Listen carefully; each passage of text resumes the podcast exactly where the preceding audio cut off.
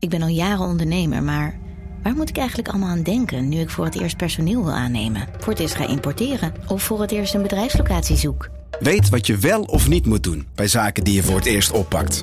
Check kvk.nl voor praktische stappenplannen. KVK, hou vast voor ondernemers. Vanaf de redactie van NRC vertellen we je elke dag het verhaal van vandaag. Deze week laten we de voorpagina's even los en hoor je verhalen die je de hele zomer kunt luisteren. Dit is de zomer van vandaag. Mijn naam is Egbert Kalsen.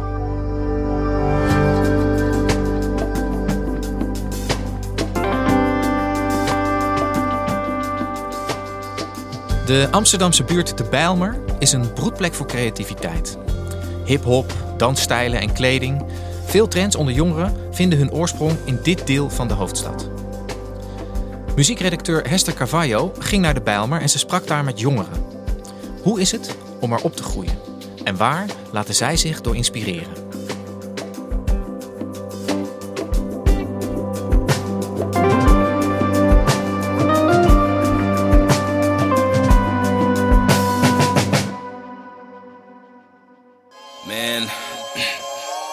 De plek waar ik vandaan kom wordt nog te vaak, heel vaak geassocieerd met ghetto, gangsters, you know, shit like that. Het is de mokker uit de bim sinds de tijd dat ik naar school ging. Door die skere tijd was ik niet zo slim. Ik Skere tijden in mijn zak had ik maar vier donnies Aan het rennen in de wijk, ik had police om me Smokte assie en die wierie lekker vies van me Zei mijn mama, ik word rijk, ik geef je free money Je eigen homie wil je kieren voor die We hoorden nu eh, drie rappers, alle drie uit Bijlmer. Eh, Gu- Cho, het nummer Gunshot. Daarna Mokromaniac Hamdoulia. En dan Henky T met eh, vier donnies. En eh, ja, eigenlijk al die nummers zijn heel eh, representatief voor waar deze rappers vandaan komen. Ze hebben het over hun eigen wijk.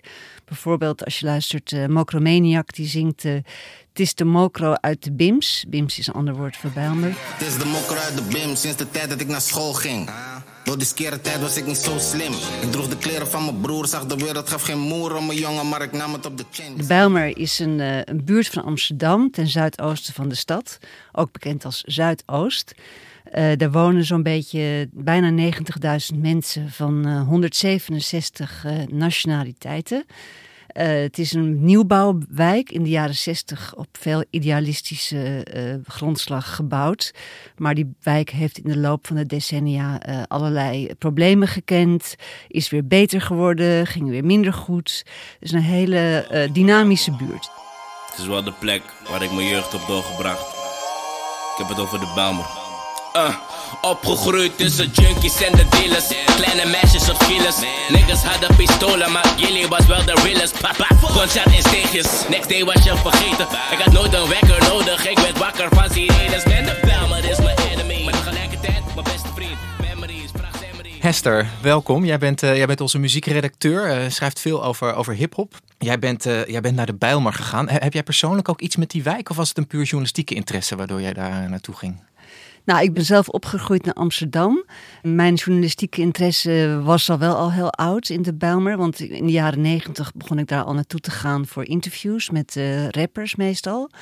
En ik raakte geïnteresseerd in eh, van ja, wie zijn eigenlijk deze mensen die deze muziek maken. Maar niet alleen muziek, ook kleding, dans, veel trends komen uit de Bijlmer. Dus ik was benieuwd naar eh, hoe leven deze jongeren. Het zijn vooral jonge mensen. En eh, daar wilde ik meer van af weten. En daar ben ik toen een onderzoek naar gaan doen en ben ik een boek over gaan eh, schrijven. Ja, en, en daar, daar ben je nog mee bezig met het Ja, boek. dat is nog niet helemaal af. Wanneer komt dat? Ja, ik hoop begin volgend jaar.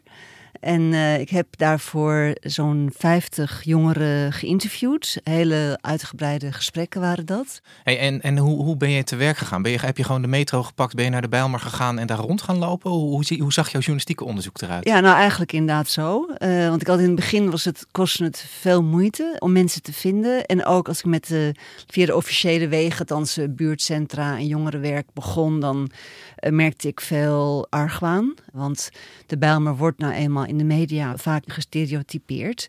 Dus ik kreeg vaak te horen van ja, dan ga je toch weer schrijven dat het een ghetto is met veel geweld.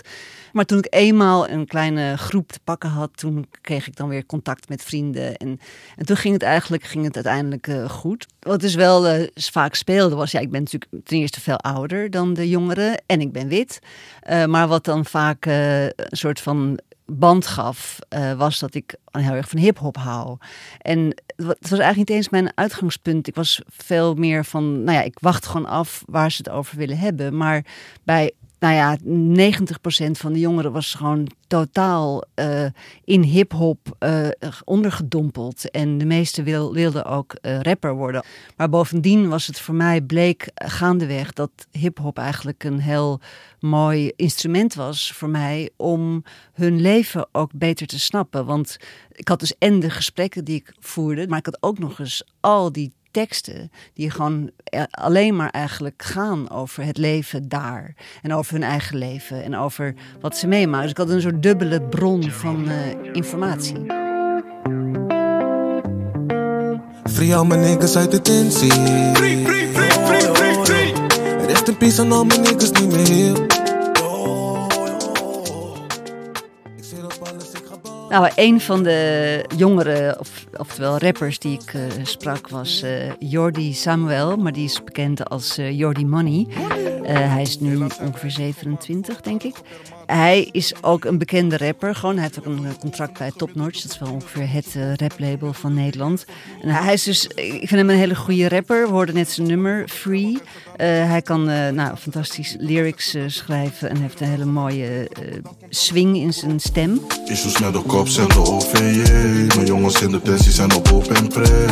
Je zit nu binnen en je hoofd is heet. Maar ik weet dat je het overleeft. Het is een boom van een man met een, in zijn uh, muziek meestal uh, nog wel een beetje een dreigende toon. Maar toen ik hem ontmoette was hij een heel uh, zachtaardige jongeman. die in een groot leeg kantoor zat in Diemen. Want hij, hij wil namelijk ondernemer worden. Hij is, dus, hij is al rapper, maar hij wil eigenlijk ook een soort imperium opzetten. Nu we bezig met studio's bouwen hier beneden. Ja. Hierboven komt kantoorruimte. Dus nu ben ik eigenlijk binnen de muziekindustrie een beetje aan het oriënteren. Wat ik, uh, Welke rol je wil ja, hebben. precies. Jordi groeide op in Zuidoost met zijn moeder en zijn broer. Zijn vader heeft hij pas uh, op latere leeftijd ontmoet. Nou, hij had dus alleen een moeder en het er was niet veel geld. En uh, hij was heel erg op zichzelf aangewezen. En nou ja, daar, daar schreef hij op zijn negende als zijn eerste nummer over. Mijn eerste track die ging over eigenlijk ja, maatschappelijke problemen eigenlijk. Ja, dat ging over ja, gewoon mensen die het moeilijk hadden. En, ja, een beetje die richting. Dat wist je al toen je negen was? Ja, tuurlijk. Want je ziet, je ziet ik, ik rapte eigenlijk gewoon over dingen die om mij heen gebeuren. En dat doe ik uh, nog steeds eigenlijk. Hoe heette die? Eerste traan. De eerste traan uit je oog zijn voor mensen zonder eten, mensen die lijden en strijden voor brood. Ja. Dat was echt mijn eerste track ook. Goed. Ja, ja. En, en zo'n jongen als, uh, als Jordi, wat zag hij dan om zich heen gebeuren? Wat was de inspiratie voor dit soort nummers? Hij doet wat, wat veel uh, rappers uit zijn buurt doen. Dat ze eigenlijk vertellen over wat ze zien. En ja, ze zien dus veel mensen zoals zij die in de minder rijke buurt wonen. Uh, er is vaak uh, sprake van discriminatie bij, of ze voelen zich in ieder geval gediscrimineerd op de arbeidsmarkt, maar ook al bij stages. Op school voelen ze zich vaak achtergesteld ten opzichte van de witte kinderen. Ze hebben het gevoel dat ze niet meetellen dus eigenlijk kun je zeggen dat wat ze zien en meemaken, dat vertaalt zich in hun teksten. Maar ik zou het eigenlijk niet zo snel maatschappelijke kritiek noemen of zo, of maatschappijkritiek. Want het is vooral heel erg persoonlijk. Kijk, op het moment dat je geen prater bent, dan kan je vaak uh, heel veel uh, gevoelens opkroppen. En door middel van rap kon ik dat allemaal uiten. Het is eigenlijk ook een soort van een echt gesprek met mezelf. Want op het moment dat ik uh, ergens mee zit, zeg ik het eigenlijk nooit hardop bijvoorbeeld. Hm. En tot het moment dat ik het opschrijf. En, en op welke manier zie je dat dan terug in zijn muziek? Hè? Dat hij zijn gevoelens deelt en die maatschappelijke problemen aankaart? Ja, ik vind het heel erg mooi uitbouwt eigenlijk. Zo'n gevoel hoor je en in zijn teksten en in zijn stem. Dat toch wel dat opstandige en dat gevoel van... Uh, ja, ik ben er ook nog, ik laat me horen. Dus dat kan je bijvoorbeeld horen in het nummer uh, Many Men...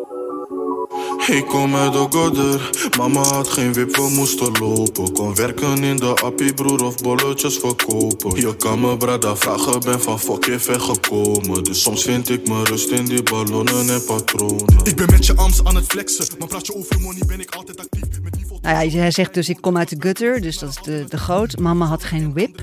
Whip is een auto, we moesten lopen. Kon werken in de appie of bolletjes verkopen. Dus ja, dat is hoe hij zijn achtergrond schetst.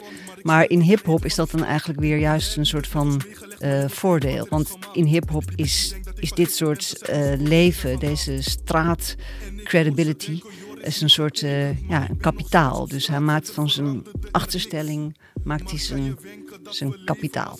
En dat is dan nu ook wat hij wil gaan uitbouwen en nog meer uh, ondernemer worden.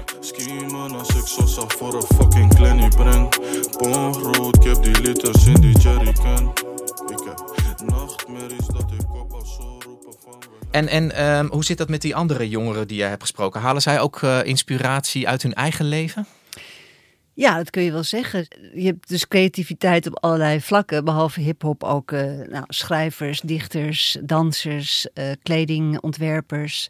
En je ziet veel ondernemersdrang. Mensen willen echt iets uh, opzetten voor zichzelf. En dat doen ze dan ook heel erg zelf. Heel erg de do-it-yourself houding hebben ze. En een van deze jongeren was uh, Nigel. En toen ik hem ontmoette was hij volgens mij 19 of net 20. Nigel Vorgwe. En uh, hij heeft een uh, kledingmerk opgezet. Mijn, mijn, naam is Nigel en ik kom uit Amsterdam. Je, weet je, en voor mij is dan Zuidoost is dan zeg maar mijn wereldje. Nou, Nigel is dus een ontzettend energieke en hele positieve jongeman. Uh, we spraken af in een, café, nogal een rumoerig café. Ik kon zijn woorden bijna soms niet bijbenen, zoveel wilde hij vertellen. Ja, ook over zijn leven, want hij was negen toen hij vanuit Cameroen naar Nederland kwam. Hij had in Cameroen gewoond bij een tante in een heel mooi groot huis. En zijn moeder die woonde al vanaf dat hij twee was in Amsterdam. En hij had daar hele grootse verwachtingen uh, bij toen hij op zijn negende naar Amsterdam zou komen. Van ja, ik heb een groot huis verlaten en je kijkt natuurlijk films, Home Alone. En je ziet alle leuke dingen. Je denkt, hier is Europa. Weet je, die gaat die... Kijk, de enige film die wij daar zagen was, was Home Alone. Dus ja, dat je het heel vaak gezien? Ja, Home Alone. Ik, vooral, ik heb dat zeker 200 keer bekeken in mijn leven. Dus ik dacht, ja, dit wordt Home Alone met kerst. Zo ziet alles eruit, weet je. Dat is gewoon wat ik in mijn hoofd heb. Uh, maar hij herkende zijn moeder niet en hij kon de taal niet. En Amsterdam was ook niet wat hij had verwacht. En dan kom je, word je in een flat gezet. Dat heb je nooit gezien. Heel op elkaar gestapelde mensen. Ja, mensen aan het leren maken. Heel leer ik snel. Ja. Maar uh, dat, was, dat was echt heel gek, geloof me maar. Ja, dus Nigel die kwam uh, op zijn negende in een klein appartement op de vijfde etage van een galerijflat in Zuidoost. En hij moest slapen in een stapelbed. En dat had hij nog nooit, wist niet wat het was. Dus dat was een shock voor hem. En ja, zo heb ik eigenlijk wel best wel veel jongeren gesproken die als kind uit Afrika, vaak eigenlijk wel alleen ook, dan door familie werden opgehaald of met familie werden meegegeven, die naar Nederland uh, zijn gekomen. En dan is Zuidoost voor hun arrival city. Arrival City, letterlijk de stad van aankomst, moet ik dat zo zien? Ja, nieuwkomers komen dus naar Nederland. Ze vinden hun weg via familie of kennissen naar Amsterdam Zuidoost.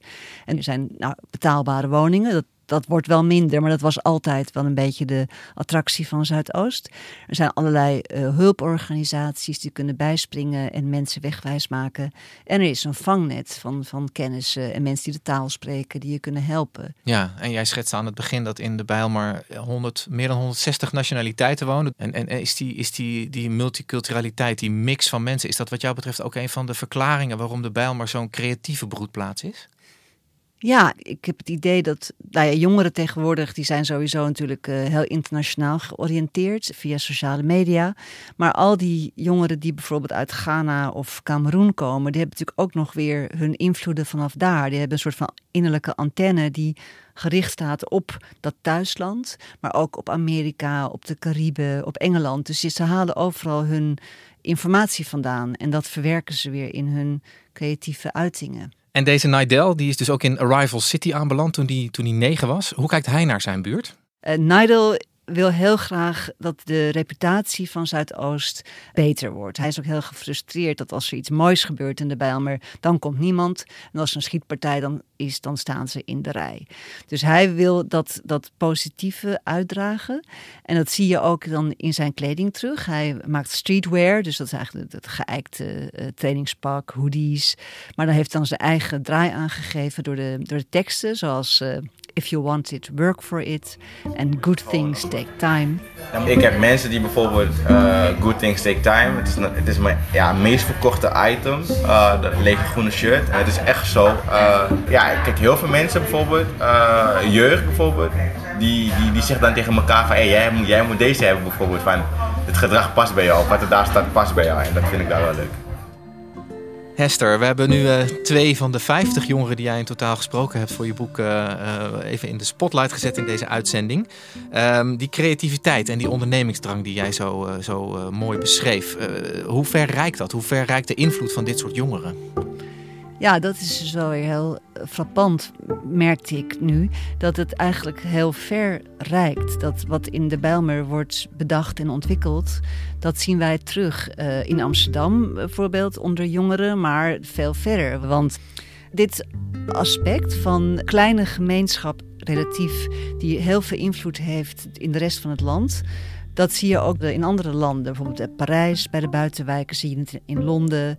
Maar ook in Zweden of in Oostenrijk. Er zijn ontzettend veel arrival cities. En daar komen zoveel mensen samen die allemaal weer nieuwe dingen bedenken. En die worden dan overgenomen door de andere eh, leden van de stad en dan daarna het land als je die invloed zo omschrijft, hè, wat zich dus niet alleen tot Nederland beperkt, maar ook, ook internationaal te zien is, dat zo'n creatieve plek, zo'n arrival city, dat losmaakt bij die jongeren daar. Wat doet dat dan zeg maar, met die jongeren in die wijk en misschien wel met zo'n wijk als geheel? Ja, nou voor de jongeren zelf is het uh, natuurlijk eh, vooral heel veel ambitie en hoop en streven naar, naar iets moois en, en beter in veel gevallen. Want zoals ze altijd zeggen, we komen van niks, we komen van de bodem. Dus er valt veel te winnen voor de wijk als geheel denk ik dat het ook heel belangrijk is. Ze zijn elkaars voorbeeld. Dus ze hebben steeds elkaar ook als, als afnemer of als publiek, maar, ook als, als ja, voorbeeld. En uh, ja, ik kan me voorstellen daar een, een positieve dynamiek van uitgaat.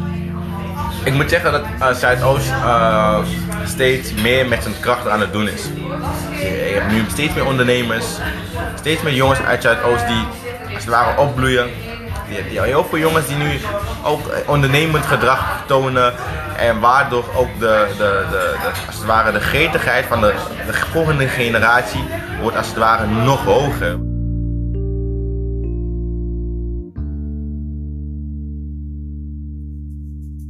Dankjewel voor je verhaal, Hester. Graag gedaan.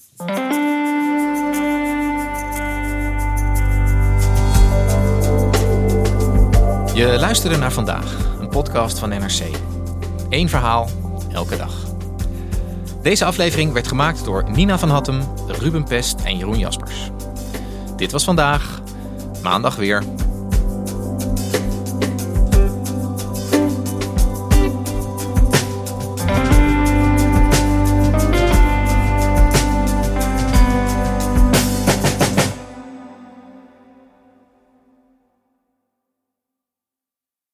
Technologie lijkt tegenwoordig het antwoord op iedere uitdaging.